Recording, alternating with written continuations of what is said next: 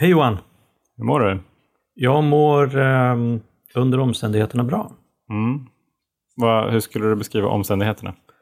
Omständigheterna just nu är ju, ja, det är coronatider.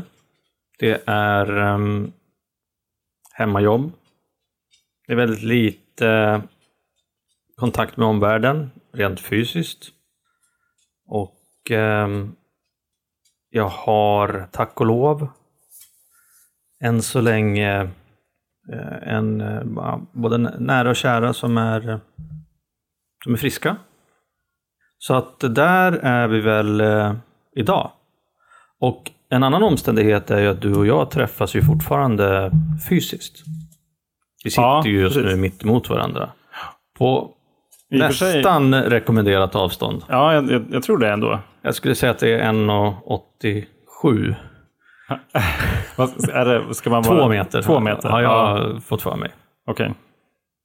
Och det som är, en annan grej som är bra det är att vi har sådana puffskydd. Ja, Så att det som vi andas ut fastnar ju då i det här puffskyddet. Jag får hoppas att jag har samma puffskydd som förra gången jag var här. ja, det vet man inte. Vi, vi har inte märkt de här puffskydden ännu. Nej, det har vi inte. Men eh, nej, men det, det är väl ganska bra. Själv då? Jo, men det, är, det är faktiskt under omständigheterna bra också. Jag har reflekterat över det. Det här är en, en Elma-vecka för mig. Så jag är hemma med Elma och Gustav på dagarna. Och jag har ju varit det sedan december. Varannan vecka. Mm. Så, jag, jag, så jag tänker så här, jag har tränat liksom på, på karantän och, och lite social, social distancing sedan dess. Så att för min del rent praktiskt, om man säger i vardagen, så har det inte blivit så stora förändringar. Förutom då jobbveckorna. Som ju Mm. då innebär att jag är hemma mycket mer. Dock inte varje dag. Ibland så åker jag in till kontoret. Några är där. Mm, De flesta inte. Vi kör väldigt mycket möten eh, online. Och jag tycker det funkar mm, förvånansvärt bra. Jag tycker att det blir på ett sätt effektivare. Däremot så saknar jag ju den, den fysiska kontakten. Liksom att, att eh, ja, men så här, jag saknar att kunna kramas. Ja, jag tänker också så här att det blir ju på ett sätt, eller när det är så att, att vi inte umgås casually så blir ju eh, gemenskapen blir ju väldigt så här purpose driven. Alltså det finns alltid ett mål och ett syfte med varför, varför man ska ses oavsett om det är digitalt eller, eller fysiskt. Eh, och då kan jag tycka att eh, jag kan sakna lite grann att bara ta ut svängarna. Att bara hänga med folk. Mm. Det sker inte jättemycket just nu. Nej, det, det blir inte lika många. Man, man, man råkar inte bara stöta på någon på ett, i Zoom. Eller det, jag vet inte, det är kanske är någon som bygger en sån app snart. Ja. Där man bara kan gå runt och flanera lite grann. Och så Mm. liksom, stöter man på en främling som man inte har sett förut. Men det var faktiskt eh, det var en av mina vänner, eh, Kenneth, som han, han ordnade en eh, The Corona Cocktail Challenge i lördags. Mm. Som då jag, Josefina och Elma var med bara i början. Men det hela gick ut på att eh, alla var hemma. Och istället för att bara sitta hemma så, så var det väl så här 10-12 pers som kopplade upp sig mot samma Google Hangout. Och så skulle man tävla i vem som gjorde den eh, godaste och snyggaste cocktailen. Obs kunde vara alkoholfri. Mm. Så fick man ratea varandra i ett Excel-ark. Ja, det visst. gillade du va? Ja, det, jag gillade verkligen tanken på det. Dock var vi inte med i tävlingen. Eh, vi skyllde på att Emma, eh, Elma skulle gå och lägga sig, men det var vi som var väldigt trötta. men Ja. men det, var, det var ett härligt initiativ tycker jag. Alltså jag tänkte på det nu när vi pratade om att det är mycket som har förändrats. Och samtidigt som mycket är som vanligt. I livet, tänker jag. Men när jag jobbar hemma, jag, jag är ganska van att jobba hemma. Det jag inte är så van vid, det är ju att Jenny också jobbar hemma. Så att då rubbas ju mina cirklar lite grann när, när jag är tvungen inom citattecken att ta hänsyn till att det är en annan människa som också är hemma och jobbar. Det blir, eh, eh, jag säger inte att det är sämre, men det blir annorlunda. Och jag kan tycka ibland att jag, har- jag har lite svårt att hantera förändringar eller ändrade strukturer, förhållanden i mitt liv. jag blir ofta ganska... Ja, men jag kan bli lite grinig helt enkelt. För att jag inte bara får ta hand om mig själv. Mm. Och är tvungen att ta hänsyn till att, eh, att Jenny är hemma och jobbar, vilket är jättefint. Men eh, det där är ju någonting som, som, som är spännande tycker jag just i det här med förändringen. För du var inne på en grej att, ja men till exempel det här med digitala möten, att det har blivit normalt idag.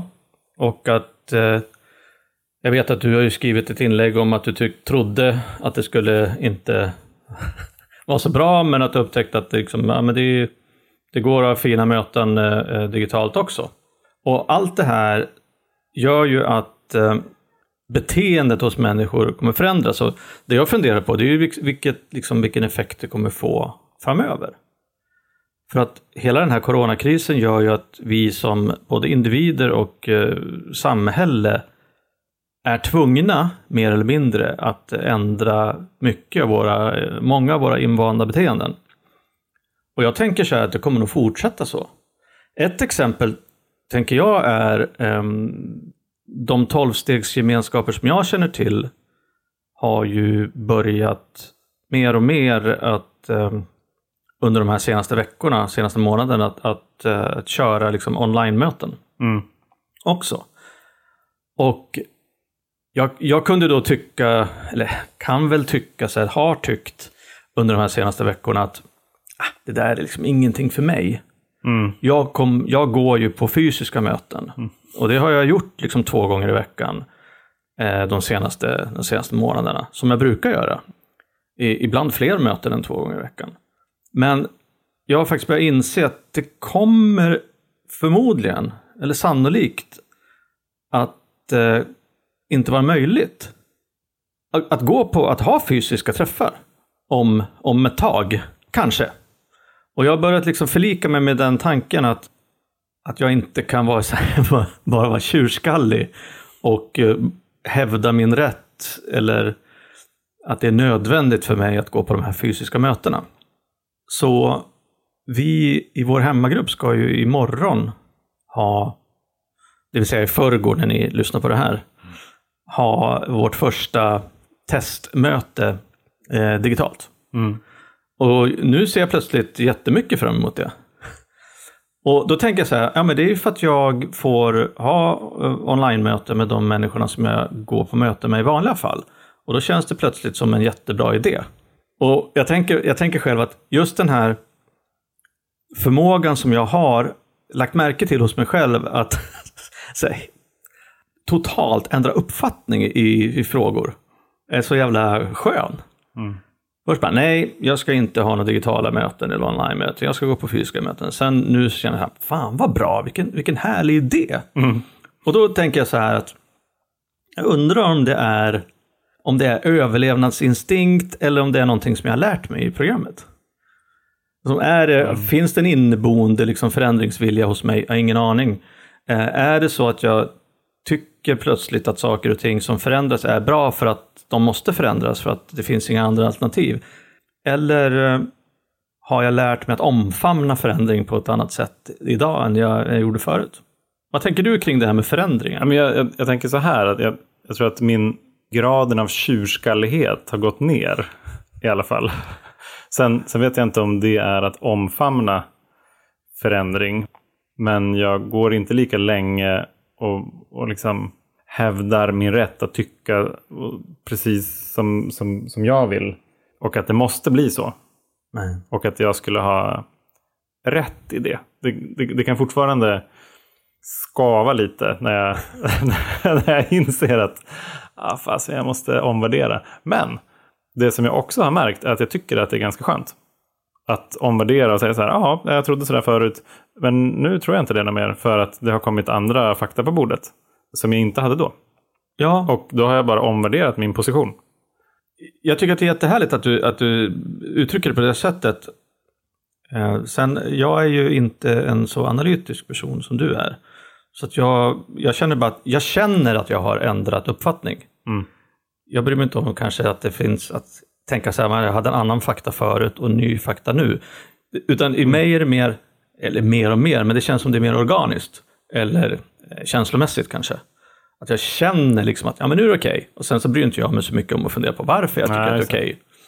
Processen Eh, ser lite annorlunda ut. Ja, processen ser annorlunda ut. Men jag tycker också att det är, det är så jävla befriande. Mm. Att känna att det är okej med nya grejer. Som tidigare har känts liksom eh, kanske svåra eller inte min bag eller precis. eh, just den här tjurskalligheten. Att, den, att jag tyckte att nej men fan så där vill inte jag göra. Det är bättre att göra på det här sättet. Ja, men det var precis, och det var den, den reflektionen som du refererade till. Det var ju också just att förut, och när jag säger förut så menar jag för en vecka sedan, så, så var jag helt säker. Det var, det var en sanning bara att digitala möten är sämre än fysiska möten. Punkt. Det, det, är, det är en blek kopia av ett fysiskt möte och man har det bara om man verkligen behöver. Det vill säga digitala möten. Och det kan väl gå bra om man, man, man har träffat personen fysiskt först. Det vill säga man har en uppbyggd relation. Då, då kan det vara okej att ha ett digitalt möte till exempel via Zoom eller Skype eller Teams eller någonting. Men det kommer alltid att vara bättre med fysiskt möte. Men nu i de här tiderna så inser jag ju att det var ju helt fel.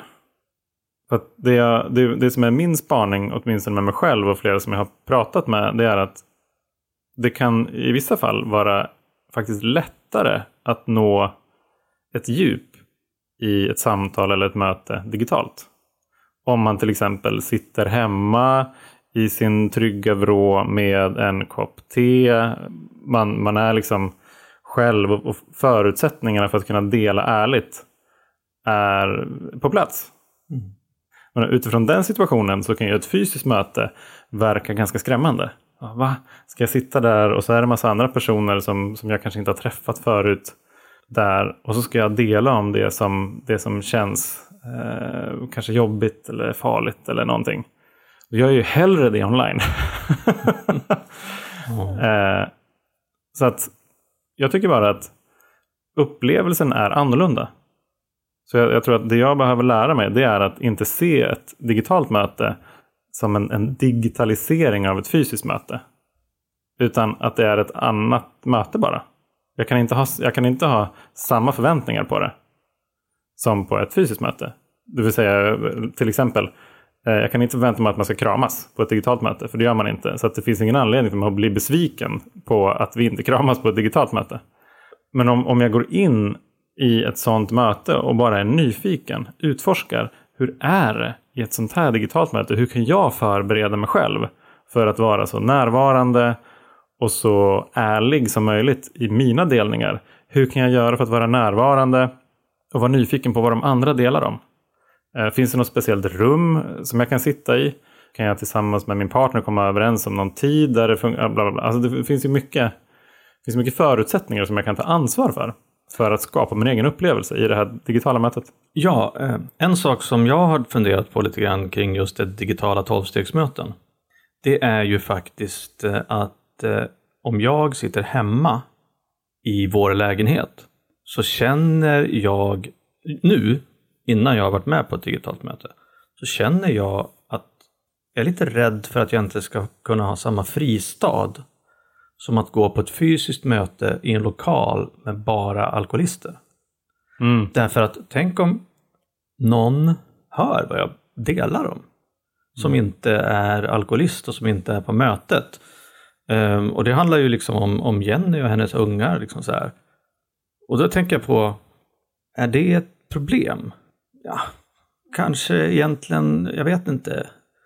Hon, hon vet väl, hon vet ju liksom det mesta om mig ändå. Och det jag delar om på möten kommer förmodligen inte vara någon nyhet för henne. Men det finns en liten så här, en, en, en liksom liten, liten, liten, om ett uns av, av otrygghet i att inte få vara i den här eh, ombonade härliga stämningen som de, eller i de här lokalerna och det här rummet, i gemenskaperna som finns eh, när det är fysiska tolvstegsmöten. Mm.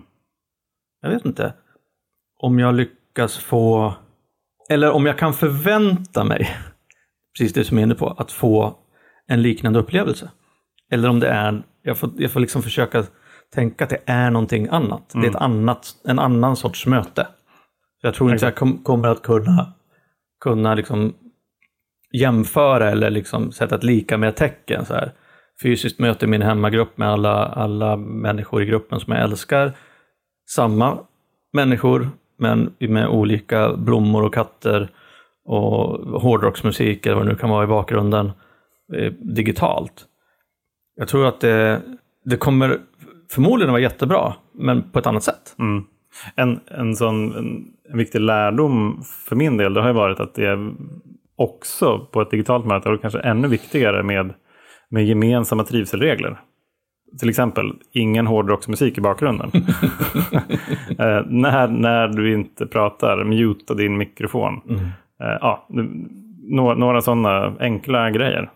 Ja, också tänker jag så här att eh, i en förlängning så här, så här tänk om, om någon eh, som är med på mötet sitter på ett café liksom, utan hörlurar. Vilket mm. inte är sannolikt. Därför att det blir jättejobbigt. Och så ska vi då dela, så sitter folk runt den här människan och lyssnar på. Det är orimligt, men bra att du tar upp det där med trivselregler. Det, det krävs ju också för, för, för trygghet ja, precis. i mötet. Och en sak som jag precis tänkte berätta för dig innan eh, vi börjar spela in här, men vi har ju diskuterat mycket i vår grupp det här om, om huruvida en människa som aldrig har varit på tolvstegsmöte mm. väljer att eh, göra det online. Och då satt vi där och alkisissade och sa nej det kommer aldrig att hända. Det skulle ju aldrig jag göra.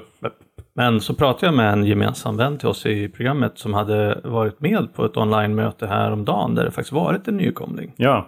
Och där kan man ju tycka, det kanske är en generationsfråga också, men det finns säkert människor som tycker att det är lättare eh, att vara med på ett, eh, ett online-möte än ett fysiskt möte. Absolut. För då kan man ju välja själv liksom, om man vill synas i bild eller om man vill ha sitt eget namn eller hur det nu är. Så, att, så rent eh, anonymitetsmässigt så skulle man ju kunna komma undan liksom, mm. ännu mer om man, om man tycker att det är ett problem.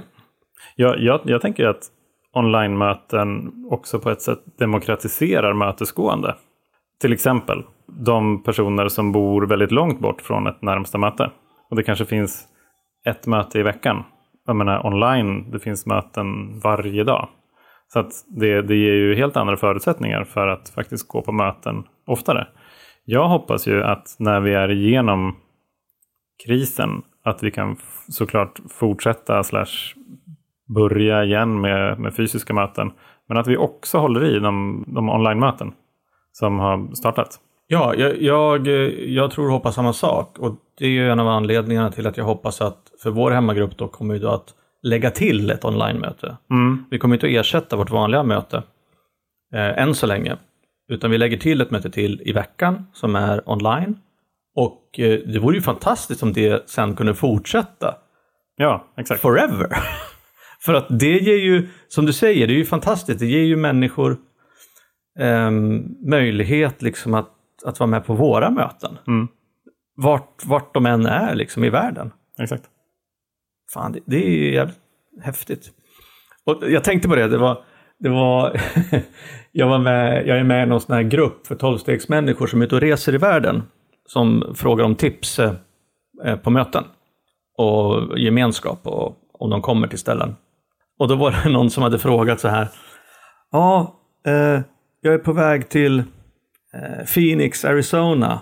Vad finns det för online-möten där? Jag tyckte frågan var så jävla konstig. För att online-möten finns ju överallt, när som helst. Liksom. Ja. Du kan ju sitta i Phoenix, Arizona och vara med på ett engelsktalande möte som är online som någon leder i Japan eller Australien eller Sverige. Mm. Och det är ju fan fantastiskt. Ja, exakt. Jag tänker så här att det enklaste kanske är att vi lägger upp information på vår eh, Instagram och Facebook. Ja. Om vilka möten som finns. Det finns ju lite olika tolvstegsgemenskaper och det är många som har skickat kommentarer som säger att tipsa om AA online. Och det är ju ett och sen så finns det ju flera för, för andra tolvstegsgemenskaper. Mm. Eh, check it out. Det är eh, väl värt en, eh, en titt. Och eh, gå in i det med öppna ögon. Ja, och det vi kan säga det är ju så att det finns ju då vissa tolvstegsgemenskaper som har skapat nya online-möten. Som inte har någon hemvist någonstans. Sen finns det ju andra grupper, som till exempel vi då. som kommer att köra egna online-möten. De kommer också så småningom att komma ut eh, på ja, med allmän info så man kan vara med på dem också. Så det kan ju också vara värt att checka, ut, checka upp eh, på diverse tolvstegsgemenskapers hemsida, hemsidor Ja, vilka, vilka specifika möten som har eh, online-möten, eh, grupper som har online-möten. För att vi, vårt möte fysiskt är ju ett mansmöte. Mm. Och det kommer ju vara online också. Ja, exakt. Och där kan man hitta möten. Det finns ju hbtq-möten eller temamöten, kvinnomöten, eh, engelsktalande möten. Det finns ju möten för alla. Jag tänker att det här med online-möten, för att ta en, en segway över till nästa ämne, så har vi fått en hel del frågor eller önskemål om att prata liksom, om att bryta ensamhet och isolering som kan vara men, jävligt jobbigt. In, inte bara för oss alkoholister utan för alla. Och ofta så är ju gemenskap botemedlet, om man säger, mot det. Så hur fasen gör man då? Ja, online-möten är ju en. Ett sätt att göra det på. Jag tänker också att till exempel att, att höra av sig till eh, vänner, familj, eh, andra i gemenskapen, ringa, facetima. Att faktiskt våga nå ut. Jag, jag själv är ganska dålig på det måste jag säga. Jag önskar att jag var bättre. Men jag tänker att det är ett gyllene tillfälle att träna. Ja, jag håller med.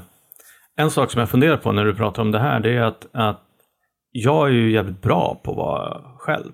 Och utifrån min egen erfarenhet så, så har jag också träffat ganska många människor i gemenskapen, i, i tolvstegsprogram, som också kanske inte är bra på att vara själva, men många som har varit själva. Mm. Som är själva och som där det liksom är en, ett naturligt steg i en i någon process. Oavsett om man liksom, blir bättre eller mår bättre eller mår sämre.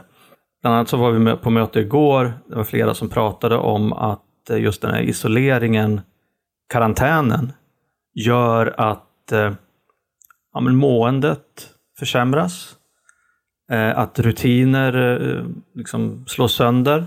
Mm. Och att då, för mig är det så också att ju mer jag isolerar mig, desto mer isolerad blir jag. Det blir liksom som en negativ spiral eller en ond cirkel. Mm. Och jag tänker så här att det är ju jävligt svårt. Jag tycker det är svårt själv att bryta den när jag är där. Men jag har lärt mig nu efter många år i nykterheten att jag måste göra det. Så att för mig har, har jag har blivit bättre på det tack vare att jag har tränat på det. Mm. Men jag har vänner i programmet som eh, har isolerat sig. Där det är i princip, inte omöjligt ska jag säga, men det har varit väldigt svårt liksom, att nå fram till eh, några av dem. För att eh, de uppvisar ungefär samma beteende som, som jag gör. Det vill säga de, när de väl börjar isolera sig och eh, ta på sig offerkoftan och eh, tappa liksom rutiner och eh, närhet till programmet så, så blir det bara sämre och sämre och sämre. Mm. Och då tänker jag så här, för mig som har eh, vänner eller känner människor, vet människor som isolerar sig, så tycker jag att jag har ett ansvar för att hjälpa dem att försöka bryta isoleringen. Mm. Eh, och precis som med allt annat eh, inom programmet så är det så jag, jag kan ta ansvar för min del i det, det vill säga försöka få dem att bryta isoleringen, men jag kan inte göra det åt dem. Nej.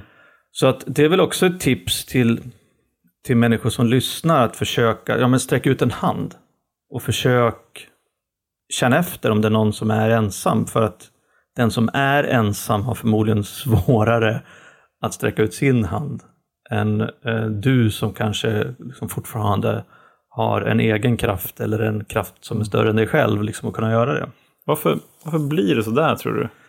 Själva liksom den, den onda spiralen kring isolering. Jag kan ju verkligen känna igen mig i det där. Och ofta så är min, min process börjar ofta med att jag tycker att jag jag tänkte säga att jag tycker jag förtjänar att, att isolera mig. Det vill säga från början så är det någon form av belöning. Att, att jag, eh, ja, men så här, jag, jag vill vara mig själv. Jag vill vara med mig själv och för mig själv ett tag. Jag vill eh, bara dra ner eh, rullgardinen och eh, stänga ute världen ett tag. Bara ta en, ta en paus. Det är ofta mitt första steg och det ser jag som en belöning. Sen när jag väl har varit inne i det där för länge, då har jag svårt att ta mig ut i den här världen igen. Då har jag på något vis byggt en ny normal, kan man väl säga. Där inne, nya, nya rutiner eh, som har nästan ersatt de här andra rutinerna som jag mådde bra av. Så helt plötsligt har jag en annan uppsättning rutiner som jag mår dåligt av. Destruktiva rutiner. Ja, exakt. Ja, det där är jättespännande och jag tänker så här att jag känner igen det där att, att belöna sig själv eh, med att vara ensam och bara rå om sig själv. Ja, det låter ju så härligt. jag tänker så här att en stor del av min, eh, ja men jag kallar det, jag tycker ändå att det är min alkoholism, min sjukdom, den känslomässiga delen är att jag jag har ett antal mekanismer som gör att isolering är, ett jävligt bra, är en bra lösning. Eh, nå- några är ju liksom att eh, ett, jag gillar och tror att jag är bra på att resonera med mig själv kring eh, min egen situation. Vilket jag inte är, oftast. Men jag tror det.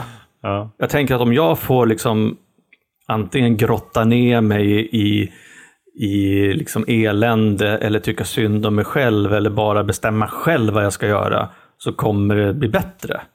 Eh, det är det ena. Och det har vi pratat om tidigare, liksom, det här med offerkoftan, att det är jävligt tacksamt liksom, att gå runt och tycka synd om sig själv eller bara få, få tänka att alla andra är idioter men jag, jag kan ändå sitta här själv och hålla mig på avstånd ifrån de där. Sen så finns det andra mekanismer som eh, att hålla fasaden uppe. Det tänker Ja, jag. Liksom så här att, att nej, men, eh, jag är gärna själv men eh, jag kan säga till folk att jag mår bra. Att jag gör grejer. Jag kan ljuga ja, och säga ja. att, jag, att jag ska, nej men jag kan inte träffas för att jag ska hälsa på släkten eller gå ut med en kompis eller sådär. Mm. Just det där för att, för att när jag väl är isolerad så, så finns det också, det finns liksom en gnutta skam i det där. Hos mig. Mm. Som vet att det här är inte ett, det är inte ett skönt beteende. Så därför vill jag liksom någonstans hålla fasaden uppe och låtsas att jag inte är isolerad. Vilket gör att isolering blir ännu värre därför att då skjuter jag, stöter jag ju bort andra människor. Ja, då har, jag, då har jag helt plötsligt också skapat hemligheter. Ja, precis. Och det är liksom nästa steg då, det där att, att det finns i mig en sjuk vilja eller, liksom, jag är helt okej med att ha hemlisar. Liksom.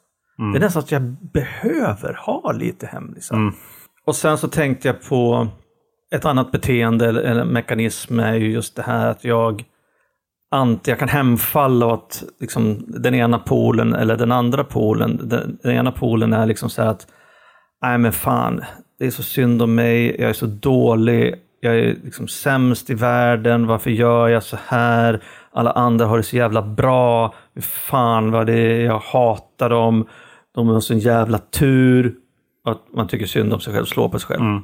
Medan den andra polen är, "Fy fan de vet ingenting. Nej. Här sitter jag, jag har svaren på alla, alla frågor. Jag, jag vet bäst. Det är lika bra att jag får sköta det här själv. För att om jag ska ut bland folk eller bjuda in folk till mig, då kommer liksom bara, det kommer bli bara stökigt. Så att det är just det här liksom antingen bäst eller sämst. Så det, där finns en är- massa mekanismer som gör att den här isoleringen liksom föder sig själv. Mm. Det där är på något vis en, en klassisk alkoholistens paradox. Ja, Att exakt. vara Och- bäst och sämst samtidigt. Ja, och alla de här grejerna menar jag är eh, ja, symptom eller beteenden som har med min sjukdom att göra. Och det är just de här tankarna och beteenden som jag får träna på att minska. De försvinner inte riktigt. Nej. Inte för mig i alla fall. Men jag får träna på att se dem och jag får träna på liksom att jag, jag behöver göra grejer för att, för att bryta det här. Och det är liksom så här, prata med någon annan, ut och träffa folk eller göra online. Erkänn för någon hur du mår. Eh, hjälp någon annan människa, fokusera på någon annan istället för dig själv. Så kommer det där liksom att du kan, det är svårt för mig att tänka mig ur det. Ja, men det går ju inte. Nej. Alltså det, och, det, och, grejen är ju ofta att det är precis det jag vill göra. Ja, exakt. Jag vill tänka mig själv ur det. jag vill inte att någon annan ska få reda på det. Jag känner skam inför situationen. Och då vill jag lösa det själv. Mm. Men jag tror att den stora skillnaden i nykterheten, det är ju inte att man aldrig känner det där. Utan det är att när jag gör det, jag kommer på det i alla fall, förr eller senare. Ja, förr eller senare. Och, och det är ju tidigare nu än vad det var förut. Mm. Men, men det beror ju verkligen på min andliga spänst slash form, hur snabbt det går. Ja, exakt. Och det, det var också en grej som jag tänkte säga. Ja, det är ett, det är ett handlingsprogram och jag gör grejer, men det, det handlar ju också om det här med andlig spänst, precis som du är inne på. Att försöka liksom lita på att det finns en kraft som är större än jag själv, som jag kan lämna över saker till, som jag kan eh, liksom be till för att liksom kanske försöka förstå vad det finns för andra grejer för mig att göra i livet. Alltså om jag kan vara till nytta för någon annan. Istället för att bara sitta och grotta ner med mig själv. Men där finns det också den här alltså tillfrisknadens paradox, om man får kalla det för det då. Det är just det där att även om jag vet vad som får mig att må bra, när jag är nykter och mår bra, så gör jag inte det när jag börjar må sämre. Nej, precis. Förrän det gör tillräckligt ont. Mm. Och det är ju liksom så här, varför kan vi, jag inte, jag ska inte säga vi, varför kan jag inte liksom kontinuerligt upprätthålla det här liksom goda beteenden, goda intentioner, andlig spänst, liksom hela tiden. Varför Därför att du är är alkoholist. det, ja, precis. Är, varför är det så liksom att, att jag liksom sjunker ner i en jävla lathet och blir cynisk och sarkastisk och, och självcentrerad? Jo, för att jag är alkoholist. För att det är mitt, mitt, mitt naturliga tillstånd som jag måste använda det här programmet för att inte hamna i. Jag kommer inte ihåg vilket avsnitt det var, men, men du är ju väldigt duktig tycker jag på att nörda ner dig i vissa passager eller liksom ord eh, i, i litteraturen. Mm.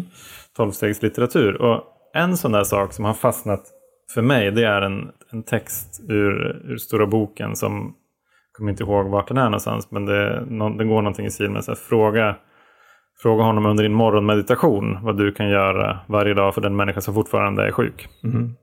Alltså jag har ju hört det där, det stycket, tusentals gånger. Mm. Jag har läst det jättemånga gånger.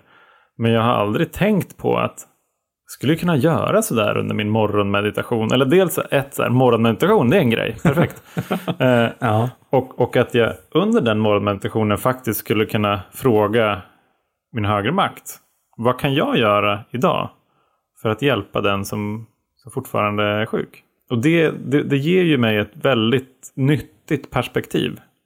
För det, det tar ju fokuset från mig. Både, både från mig och till en högre makt. Och till andra. Det vill säga, hur skulle jag kunna göra mig själv beredd, redo liksom att vara till hjälp för andra. Och det, det jag har märkt är, vi, vi har ju fått en del, en del frågor kring, så här, hur, eh, kring rädsla. Det, det känns som att rädsla, det, det kommer förmodligen under, under en viss tid framöver här att vara ett tema. Hur, hur kan man hantera rädsla? Och det för mig har varit ett väldigt bra sätt att hantera rädsla. Att inte fundera så mycket på liksom att, att jag är rädd eller varför jag är rädd utan dels är att, att acceptera att jag är rädd och det är okej. Det är faktiskt okej att vara rädd när det är en, en coronapandemi som, som pågår. Mm. Att, att hitta en acceptans i det. Och att med den här morgonmeditationen att fundera på vad, vad skulle jag kunna göra för att vara till hjälp för andra. Ja. Det gör att min rädsla släpper. In- Det är inte borta. Men, men jag tycker i alla fall att den blir mer lätthanterlig. Mm. Och det gör att jag, jag funderar på vilka, vilka saker jag behöver ta ansvar för. Mm. För att kunna vara där för andra som kanske är rädda. Jag menar, just det där i, i själva texten så är det så här, för de som fortfarande är sjuka. Så här, men men det kan, ju- man kan ju lika gärna säga insert here eh, för de som är rädda. Mm. Eller för de som är räddare än du eller lika rädda som du. Ja, hur skulle jag kunna hjälpa dem? Ja, det där, är, det, det där är magiskt faktiskt. Just att det finns så mycket i den där boken som är hundra år gammal snart. nej, från 30-talet. Men eh, att det finns så mycket bra grejer som, som faktiskt kan användas som ja, men, värdeord eller guidelines eh, eller så här bara Mm. livsmanual. Mm. Och jag tänker, på, jag tänker på en grej som slog mig, har slagit mig också den senaste tiden. Det är just det här med alltså det första steget Mm. i alla tolvstegsgemenskaper. Som eh, i mitt fall då är att jag erkänner att jag är maktlös inför alkoholen. Och att mitt liv har blivit ohanterligt. Och där kan man ju också insert vad som helst istället för alkohol. Ja. Och, och, och det är någonting som jag känner, alltså just det där med under morgonmeditationen, eller det, som jag har insett att mer, mer och mer för varje dag, att det liksom, om, jag, om jag kan ha en sån inställning, att jag, jag kan erkänna att jag är maktlös inför en massa saker, det vill säga jag kan inte kontrollera dem, eh, jag kan inte påverka dem, jag eh, kan inte i många fall påverka hur jag kommer att liksom drabbas eller eh, av externa omständigheter. Om jag erkänner det och sen i nästa andetag också erkänner att mitt liv är, har varit liksom ohanterligt. Mm. Och då tänker jag så här att, ja men om jag först erkänner att jag är maktlös och sen erkänner att om jag inte gör det jag ska, det vill säga jobbar i programmet och är nära programmet och liksom har en andlig spänst, då kommer mitt liv att bli ohanterligt. Igen. Och, och det är just det där som gör att jag tänker att det här med att vi har fått en, en förmåga, eller jag har fått en förmåga, liksom att någonstans förr eller senare, mer förr idag då, inse liksom att jag behöver göra någonting åt min situation. Det är ju att mitt liv är på väg att bli ohanterligt. Det kan vara några små aspekter av det eller hela livet. Men någonstans är jag ju liksom i den, på den resan att om jag fortsätter den här resan utan att göra någonting åt det, då kommer mitt liv att bli helt jävla ohanterligt igen. Som det var innan jag slutade dricka. Och om jag börjar tänka liksom på, på texter och de här stegen, liksom, det, ger mig, det ger mig både liksom en tröst, att det finns en lösning. Och det ger mig också liksom en, eh, ja, men en frihet. Att jag behöver inte vara där. Utan jag kan liksom, jag, jag kan välja. Förhoppningsvis. Om jag bara liksom gör rätt saker. Så kan jag välja liksom att, att må bra. Och det låter ju kanske, ja det kan väl, det är lätt för dig att säga att du kan välja att må bra. Jag kan, alla, jag kan, jag kan i alla fall förr eller senare idag försöka att göra någonting åt saken. Och förhoppningsvis i och, med att jag är, i och med att jag är i program och har en gemenskap så har jag också vänner som kan hjälpa mig att göra saker. Vi pratar ju nu, idag har vi pratat väldigt mycket om att vi kan göra saker för oss själva. Men vi, vi är ju också, i mitt liv idag så finns det ju finns det folk som hör av sig titt som tätt, ibland irriterande ofta, och frågar hur jag mår. Ni vet vilka ni är. så här liksom, ja, ja, just jo men jag mår bra. Eller ja, fast, ja men jag tänker på det här, jag tänker på det här, hur är det med dig? Och så pratar man lite grann om, om eh, hur vi mår och vad vi har för liksom, problem och gjort några bra grejer och vad som känns fint och vad som känns jobbigt. Och plötsligt så är jag på en helt annan plats liksom. Det är ju precis som ett möte. Eh, och det är också så jävla sjukt i den här, eh, i den här tiden vi är i liksom nu, 2020, eller de senaste åren, att vi behöver faktiskt inte ses fysiskt för att vi ska kunna ta hand om varandra. Nej. Det finns ju både telefon och text och video och chatt och allt möjligt liksom. Och det här gör ju att ibland kan jag ta det för givet. Ja, men jag har vänner i programmet Mm. som jag älskar att vara med för att, för att jag tycker om dem och för att jag, eh, det ger mig väldigt mycket. Och antagligen några av dem åtminstone verkar tycka samma sak om att vara med mig. Liksom. Och sen så hjälper vi ju varandra. Ja. Och det är ju för fan, det är helt priceless. Så att oavsett om det är online eller digitalt eller via en irriterande smartphone eller fysiskt så just den gemenskapen och den omtanken som finns bland mig och mina vänner och du är en av dem, liksom så här att, att vi, vi tar hand om varandra. Och det är ju helt sjukt. Så var det aldrig för mig förut. Nej, men jag tänker att all, allt det som förenar de där kommunikationssätten är att det är bara olika sätt där vi får kontakt med andra människor. Ja. Och det är det som är hela nyckeln, tycker Mm. jag. Jag reflekterade över en sak just kring ohanterlighet. Och det var det här att vad var det som egentligen var mest ohanterligt tyckte jag. Och vad, vad, vad är det som kan bli ohanterligt idag också. Mm. Och för mig i alla fall så är det känslan av att inte ha kontroll. Det, det, det kan kännas mest ohanterligt. Det kan ge mig jättemycket stress. Eh, Jag kan känna mig väldigt pressad. Och det, det är väldigt klurigt med kontroll kan jag tycka. Det, dels för att kontroll är ganska hyllat eh, i eh, samhället. att man ska ha kontroll eller man ska ha koll på saker. Det, det är det ena. Men, men framförallt så handlar det om att ingen har kontroll. Nej, precis. Alltså det, det- och jag tror att i de här tiderna, det, det som blir uppenbart, det är, det är det faktum att ingen har kontroll. Eh, Jag, jag tror att alla skulle vilja ha svar från Folkhälsomyndigheten eller regeringen eller WHO eller någon. När kommer det här vara slut? Mm. Och alla de vill ju ge ett svar. Men det finns inget att ge. Nej. Därför att ingen vet.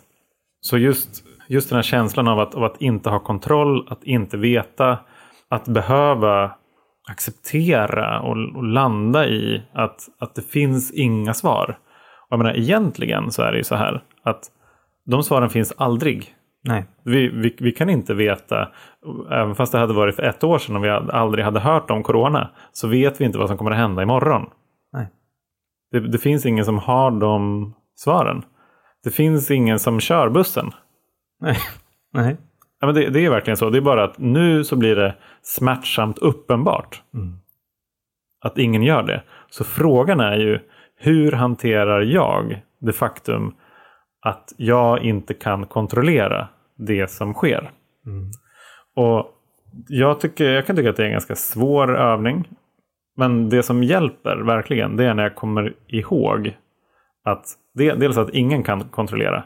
Det vill säga det, det är inte så att alla andra förutom jag kan kontrollera och att det är liksom att jag har misslyckats på något sätt att ha kontroll över mitt liv. Och sen att det, det är det ena och det andra är att eh, kontroll är en illusion. Mm. Men det är, en, det är en illusion som vi kollektivt delar. Mm. Och därför blir den sann.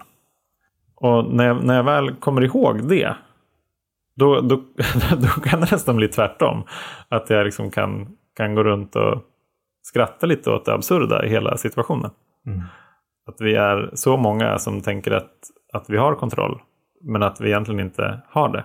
Och att det enda som existerar är nu. Det är det enda som existerar. Vi vet inte om morgondagen kommer att existera ens. Det är, we have no idea. Jag kan ju planera mitt liv som om morgondagen skulle existera. Men jag vet inte om det kommer göra det. Och det kan ju kännas förbannat läskigt. Ja. Att inte veta det, såklart. Men så är det.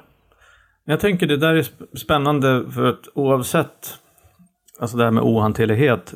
Jag funderar på hur mitt liv blir eller är när det är ohanterligt. Och jag tänker så här att för mig handlar det väldigt mycket om att jag blir ja, men, känslomässigt distanserad ifrån resten av världen. Mm. Ehm, Hur menar du då till exempel? Nej, men alltså jag, jag har inget intresse för andra människor. Eh, Jag har ehm, bara, liksom, tänker bara på mig själv. Jag ehm, ser ingen nytta med att göra goda gärningar eller hjälpa andra. Jag eh, tycker att det är slöseri med tid. Mm. Uh, och där någonstans låg ju min alltså, ohanterlighet. Det var att jag, jag blev ju liksom, jag var ju så emotionellt tom. Liksom. Jag kunde känna vissa saker. Jag menar, det fanns, det var liksom någonting i vägen. Mm. Någon hinna. Mm. Så att jag kunde liksom inte, jag kunde inte fullt ut ja, vara en del av eh, familj eller jobb eller, eller eh, gemenskap, vänner, liksom socialt. Ja, det, var liksom, det fanns liksom en hinna, det fanns en, en barriär. Jag gick runt liksom och var själv. Och där tror jag faran för mig ligger i, i, om jag inte gör det jag ska. Det är liksom att just det där att jag kanske inte fysiskt blir isolerad, men känslomässigt. Och eh, att jag liksom går runt och lever mitt eget liv inuti mitt eget huvud. Och låtsas, låtsas vara liksom en del av, av samhället. Mm. För att jag vet ju hur man gör. Mm. Ja, men men är, jag kan ju liksom eh, gå igenom eh, rutinerna sådär. Men inuti så var jag ju bara, eh, tänkte bara på mig själv. Mm. Och det, det är ju liksom, alltså mitt liv blir ju ohanterligt för att jag försöker hantera mitt liv själv. Ja, exakt. Själv, ja. Exakt. Och då, och då blir ju bara jag i min skalle och jag i min skalle, liksom, det, är inte, det är inte bra för mig. Mm. Så att därför tänker jag så här att någonting som, även det vi pratade om i senaste avsnittet som du och jag hade, bara just det här med sinnesförbönen. Att faktiskt, och det som du varit inne på idag också, det här med morgonmeditationen. Att alltså ta ansvar för mig själv. Det handlar inte om att bli självcentrerad. Det handlar om hur kan jag ta hand om mig själv så att jag kan hantera omvärlden. Mm. Hur, kan jag, hur ska jag hantera min rädsla? Hur vill jag hantera mina relationer? Hur vill jag hantera liksom mina känslor eh, inför det här? Och då, då måste jag göra saker för att öppna upp mig själv, för att tillåta mig själv att känslomässigt bli en del av, av eh, omvärlden. Och för mig handlar det väldigt mycket om det, att liksom ja, men, så enkla grejer som att lyssna på folk. Mm. Eh, ta hänsyn, vara liksom hjälpsam och eh, intresserad av... Eh, alltså jag, jag får ju aktivt fortfarande träna på, säga till mig själv att Roger, nu ska du vara en intresserad, eh, eh, omtänksam människa. Och då försöker jag vara det. Mm. För att jag vill vara det.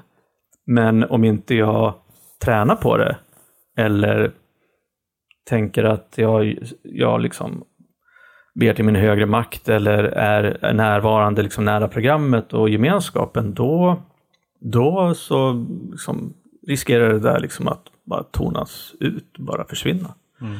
Så att det jag försöker säga det är ju liksom att jag har inte förändrats eh, i grunden tror jag, som person. Däremot så har jag ju byggt upp eh, både mekanismer och, och grundvärderingar som, som gör att jag vet, vad, jag vet vem jag vill vara idag. Mm. Och jag försöker aktivt liksom jobba för att, för att vara där. Och det är ju fan en nåd att få kunna, liksom, kunna jobba med sig själv på det sättet. Att liksom bli en bättre människa till, som är till nytta för andra människor också. Mm. Och inte bara vara med mig själv, mitt eget huvud. Nej, jag, jag tänker som en, som en avrundning. Mm. Så när jag reflekterar över det du säger där. Så tänker jag att det handlar om att bara för att vi nu ska fysiskt distansera oss. Så behöver vi inte känslomässigt distansera oss. Nej, jättebra. Utan vi kan faktiskt hålla en känslomässig kontakt via de här olika verktygen. Chatt, mail, zoom, bla bla bla. Utforska nya sätt Ja, att, att hitta känslomässig kontakt med andra människor. För det är så vi kommer ur vår egen ensamhet och vår egen isolering. För min del också rädslor av olika slag. När jag hör att andra också är rädda så blir jag mindre rädd eh, själv. Skammen som jag kan känna runt isolering som vi var inne på förut. Den sänks ju också eller bryts ner när jag hör att andra kan gå igenom samma sak. Så att den, det är verkligen den där den känslomässiga kontakten. Mm.